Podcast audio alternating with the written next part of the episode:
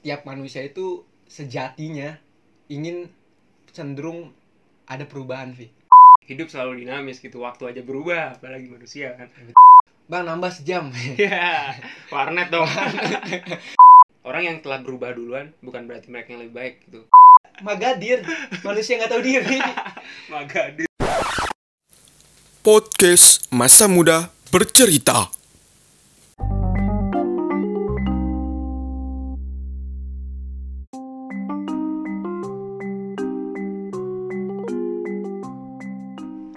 Assalamualaikum warahmatullahi wabarakatuh Waalaikumsalam warahmatullahi wabarakatuh Ya kembali lagi di podcast Masa Muda Bercerita dengan gua Naufal Syuhada dan teman gua Novel Yafia Oke, kita akan ngebahas tentang masa lalu sama dengan sejarah. Oke. Pertama nih, Vi, gue mau nanya dulu nih. Menurut pendapat lu pribadi aja dulu nih. Apa sih masa lalu menurut lu? Menurut lu? menurut gue Iya. Duh, masa lalu itu ya gue nggak punya masa lalu dah sorry nih gue ada masa depan doang nih Gaya banget, gila, gaya banget, gaya banget. kali nggak masa lalu itu ya sesuatu yang yang sebenarnya sudah terjadi di masa lampau gitu bisa jadi sebuah ya bisa jadi sebuah kejadian bisa jadi sebuah memori menurut gue masa lalu adalah hal yang emang sudah lewat dan nggak bisa terulang gitu masa lalu sih Ya, baik itu adalah peristiwa yang baik Hmm. maupun yang buruk Hmm, gitu kan. ya. terlepas dari peristiwa itu baik atau buruk itu udah kejadian gitu Ya, itu adalah masa lalu menurut Hmm. lu ya kan. Betul. Dan menurut kalau menurut gua setiap orang pasti punya masa lalu. Eh, salah, gila. pasti lah. karena Iya. kita hidup konsep waktu nggak mungkin kita nggak bisa ngelewatin waktu kayak gitu Iya benar. Jadi setiap orang punya masa lalu dan itulah yang menyebabkan kita jadinya punya masa lalu kan. Karena setiap orang punya masa lalu ini maksudnya eh, karena setiap orang punya masa lalu ini ya maka setiap orang juga pasti punya sejarah dalam hidup ya benar gak sih? betul lah. Terus eh, yang satu hal yang harus kita ta- tahu ya kita tanemin bahwa masa lalu tuh nggak bisa dirubah benar gak sih? Nggak bisa diubah. Betul. Ya karena bagaimanapun juga itu peristiwa yang udah lampau yang udah bahkan sedetik yang kema yang baru saja kita lewatin nih itu nggak akan pernah bisa, diulang. diubah. Nggak bakal bisa diulang. Apalagi diubah gitu. Iya, diulang aja nggak bisa gitu. Ya apalagi di, di diubah kalau diulang aja nggak bisa nah tapi tapi karena itulah karena setiap orang punya masa lalu tadi kan gue udah pernah bilang juga ya tadi sebelumnya bahwa ketika orang punya masa lalu bahkan pasti orang itu juga punya sejarah Betul. karena mau bagaimanapun juga masa lalu adalah sejarah Betul. baik itu buruk ataupun baik Hmm. tapi yang perlu kita tahu bahwa sejarah itu nggak cuman nggak semata-mata hanya masa lalu Iya, aja itu gitu. maksud gue itu nggak sejarah itu nggak semua nggak semata-mata hanya masa lalu gitu. Bahkan gue pernah denger gitu ya dari orang uh, dari podcast juga sih sebenarnya itu bahwa sejarah itu bukan ilmu yang mempelajari masa lalu, Hmm. tapi sejarah itu adalah ilmu yang mempelajari tentang perubahan perubahan-perubahan yang pernah terjadi gitu di masa lalu ke masa ini. Siapa sih? kayak ini dari bukunya Yuval Noah Harari. Ya Ah iya itu dia, iya iya itu. Dari dari dia tuh gue di sini gue ngambilin insight-nya ya bahwa Hmm. gue setuju banget gitu dengan statement dia bahwa sejarah itu bukan ilmu yang mempelajari tentang masa lalu tapi sejarah itu adalah ilmu yang mempelajari tentang perubahan. Jadi intinya di sini sejarah inilah yang akhirnya bisa eh, memba- membuat perubahan gitu. Perubahan ke diri kita dari masa lalu terlepas itu kelam atau buruk ya kan? Ya atau mungkin ada juga yang baik-baiknya tapi kan ketika kita punya sejarah itu kita punya masa lalu misalkan baik Hmm. kan kita akan punya motivasi lagi ke depannya gitu bahwa oh iya pencapaian gue tuh tahun kemarin misalkan kayak segini gitu loh. Tahun ini harus lebih baik. Betul. Mendorong perubahan. Mendorong perubahan. Begitupun dengan adanya masa lalu yang buruk gitu. Hmm. Eh, kalau misalkan kita punya masa lalu yang buruk pasti kan setiap manusia itu sejatinya ingin cenderung ada perubahan Vi Iya. itu mau- entah itu ke perubahan yang baik ataupun buruk. Nah, ketika kita mau mempelajarinya, maka akan ada perubahan tuh dari perubahan yang tidak baik menjadi baik gitu, yang buruk menjadi baik. Sehingga ketika kita tahu masa lalu itu kelam, kita mendapatkan pelajaran dari masa lalu tersebut, sehingga kita bisa mengaplikasikan itu semua di masa depan.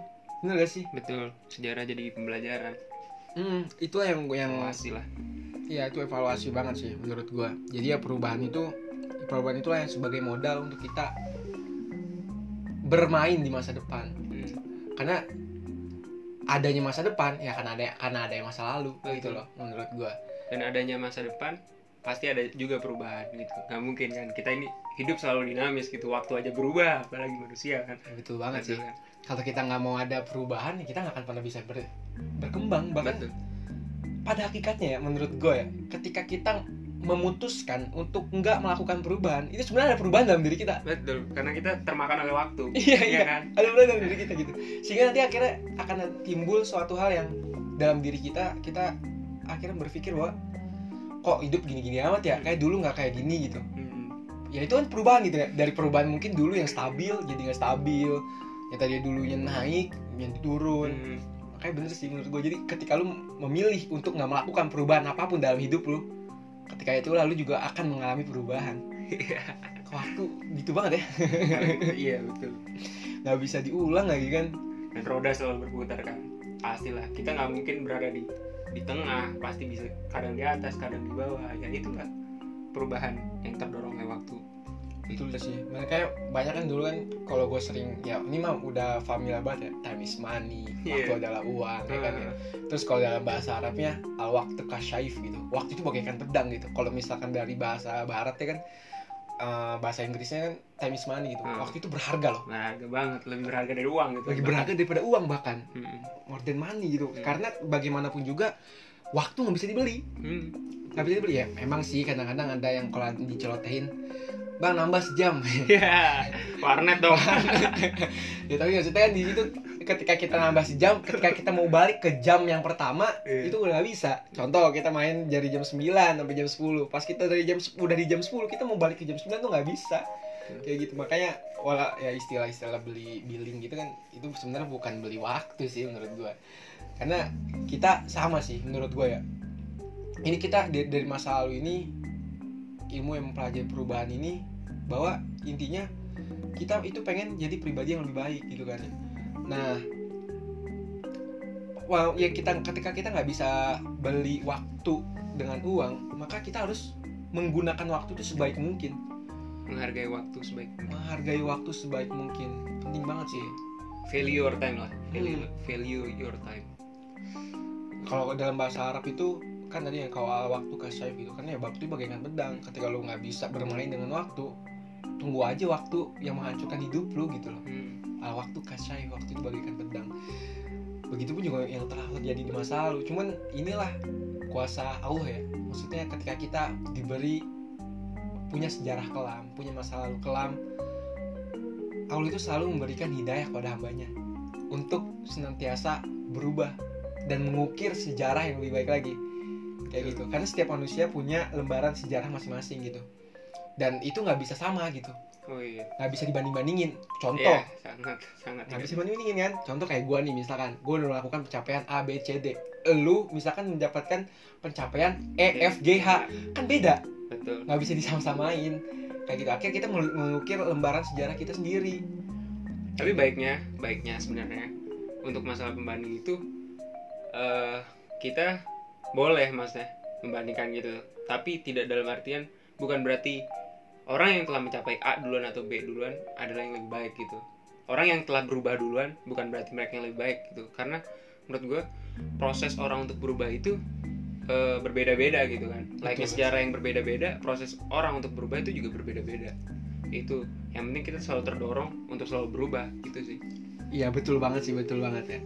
Karena proses ya jadi proses ini yang butuhkan waktu sehingga ya nanti balik lagi. Bahwa waktu itu malah sangat penting gitu kan ya. Hmm. karena kita kalau ngebahas tentang masa lalu kaitannya erat dengan waktu. Waktu. iya kan?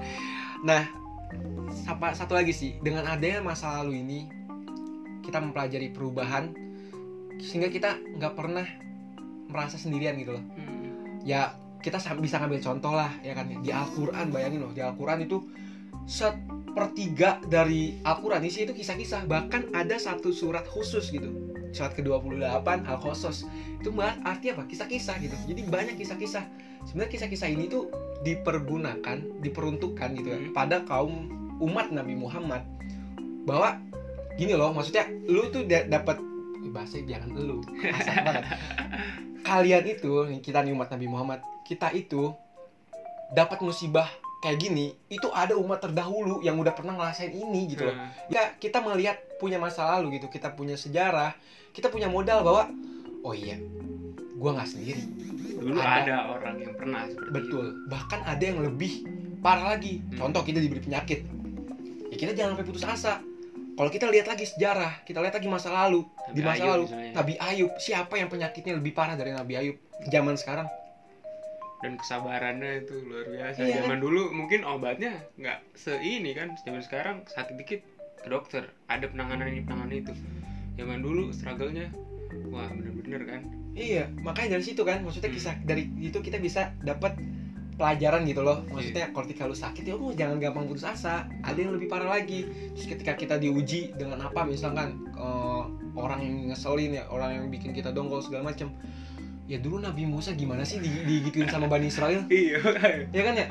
Sampai buset deh. gedak bedak kalau kita denger ya gue gue kalau jadi Nabi Musa mah kalau ya ya kalau gue ini maaf nih bukan kayak gitu ya tapi maksud gue kalau misalkan di dalam situasi yang seperti situasi itu seperti itu gitu ya kayak Nabi Musa udah gue tempelengin atau itu gila masalahnya udah dikasih enak ya kan ya udah dikasih jalan keluar dari Firaun ya kan ya Iya. itu Firaun teh nggak nggak Wih, saya deh kejam gila. segan-segan lah ya. Segan segan gila. 80 ribu penyihirnya aja bisa dia eksekusi gitu. Berarti kan dia Hmm. punya kekuatan power yang sangat kan. besar Hmm. gitu loh. Padahal itu penyihir gitu loh. Penyihir yang tobat ya. Kan Hmm. karena habis lawan Nabi Musa penyihirnya tobat ya kan. Ngaku Tuhan Nabi Musa Allah.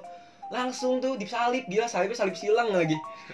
Iya gila. Maksud gue di sini adalah pelajarannya tuh Bani Israel. Hmm. udah dibebasin dari Firaun tapi masih songong gitu maksud gue gitu loh. Iya iya iya. Mungkin ketika kita tinggal gadir banget gitu ya? Gadir gadir banget gila. Magadir manusia nggak tahu diri. Wah, gadir. Ini bukan yang kenapa-napa ya maksudnya ketika nanti kita menghadapi teman atau suatu kelompok yang seperti itu ya kita punya back backingan maksudnya kita punya sandaran bahwa wah Nabi Musa itu lebih parah daripada Iya, kita gitu. betul. bahkan Nabi Muhammad aja sampai menguji Nabi Musa loh waktu dalam perang Hunain ya kan ya? Di dalam perang Hunain tuh Nabi Muhammad bilang gue lupa sih cara bilangnya bersabda kayak gimana. Pokoknya kurang lebih tuh kayak me- menyanjung Nabi Musa gitu. Alangkah sabarnya Nabi Musa menghadapi Bani Israel. Karena waktu itu waktu perang Hunain itu ya kan perang Hunain itu kan setelah Fatul Makkah ya. Itu banyak yang gegabah gitu juga sih menurut gua kayak kaum muslimin. Dan akhirnya pas sudah udah gegabah diserang sama musuh dari balik gundukan pasir gitu mereka chaos. Hmm, pada balik mundur semua kelabakan mundur semua. Ya akhirnya di situ Nabi Muhammad bilang alangkah alangkah sabarnya Musa terhadap kaumnya gitu. Sampai Nabi Muhammad tuh memuji Nabi Musa gitu kan ya. kesabaran. Ada ada contohnya Nabi Musa ya kan. Terus dari apa lagi yang pernah yang contohnya lagi adalah ketika kita berbuat salah. Hmm, Nabi Adam, Nabi Yunus ya kan ya Hmm. dijelasin ya kan bahwa Nabi Adam berbuat salah terus ya akhirnya masih bisa bertaubat gitu. Ada peluang bahkan Nabi Adam itu lama prosesnya gitu. Dari Allah mengijabah gitu kan ya. Yang kayak Rabbana dzalamna anfusana wa illam taghfir lana wa tarhamna lanakunanna minal khasirin. Itu kan doa itu kan doa Nabi Adam gitu kan ya. Waktu terpisah sama Siti Hawa eh, di bumi ini gitu kan ya. Terus Nabi Yunus juga berdoa kan. Ditelan paus. Ditelan paus. itu dalam perut paus gitu kan. Iya, maksudnya tapi beliau tuh bisa juga gitu berdoa. Jadi ketika kita ngelakuin kesalahan apa pun dalam kehidupan kita sekarang, kita ngeliat bisa ngambil Hmm. insight dari masa lalu bahwa percayalah bahwa pertolongan Allah dan apa Allah itu mau maaf maaf gitu Iya. kan? betul kan iya buktinya ya kayak Nabi Adam Hmm. ya kan yang melakukan kesalahan, Hmm. Allah ampuni. Terus Nabi Yunus juga kan ya, ya yang penting kita mau mengakui kesalahan kita, kita taubat gitu. gitu Soalnya kalau doa, doa tobatnya Nabi Yunus kan kayak eh, la ilaha illa anta gitu. Subhanaka ini kuntu minaz zalimin. Ngakuin diri saya diriku ini zolim gitu. Iya. Diriku ini zolim. Ya makanya kalau misalnya kita berbuat salah, ya jangan pernah berputus ah- eh, asa dari rahmat Allah. Pasti Allah akan ngampunin selama kita bertaubat. betul Gitu sih. Jadi banyak sih insight dari masa lalu. Hmm. Kalau kita bahas satu persatu kisah nabi-nabi ya yang ada di Al-Quran aja, kayak nggak bakal cukup sih. Nggak bakal cukup. Nggak akan kelar. Karena itu bahas banget, eh, banyak banget pembahasan dan sangat kompleks gitu. Dan ilmu gue sebenarnya nggak akan kelar pun bukan karena kitanya mampu sih kalau gue ya, karena gue yang nggak mampu juga. Jadi kita ngambil insight dikit yang dikit-dikit aja nih supaya bisa diambil pelajarannya gitu bahwa masa lalu itu sama dengan sejarah sih menurut gue tapi sejarah nggak cuma masa lalu doang. Tapi sejarah itu adalah ilmu yang mempelajari tentang perubahannya nih. Yang dari ambil dari masa lalu kita ambil insightnya buat modal kita di masa depan. Kalau dari gue sih gitu. Dari Betul, gimana betul. nih? Dan lagi sebenarnya ya mungkin kita di sini cuma mengingatkan kembali aja bahwa sebenarnya masalah-masalah yang datang dalam kehidupan ini tuh udah udah pernah ada solusinya gitu.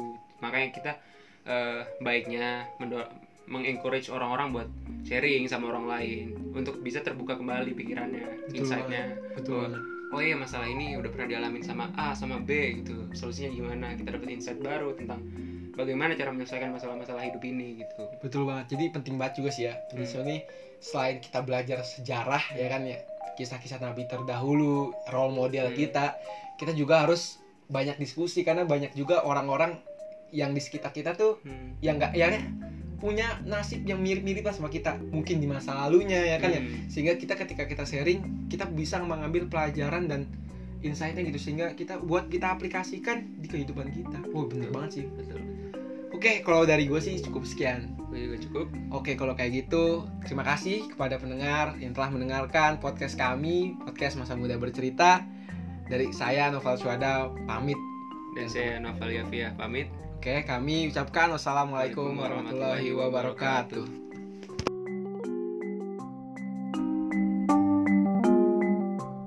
Terima kasih telah mendengarkan podcast Masa Muda Bercerita.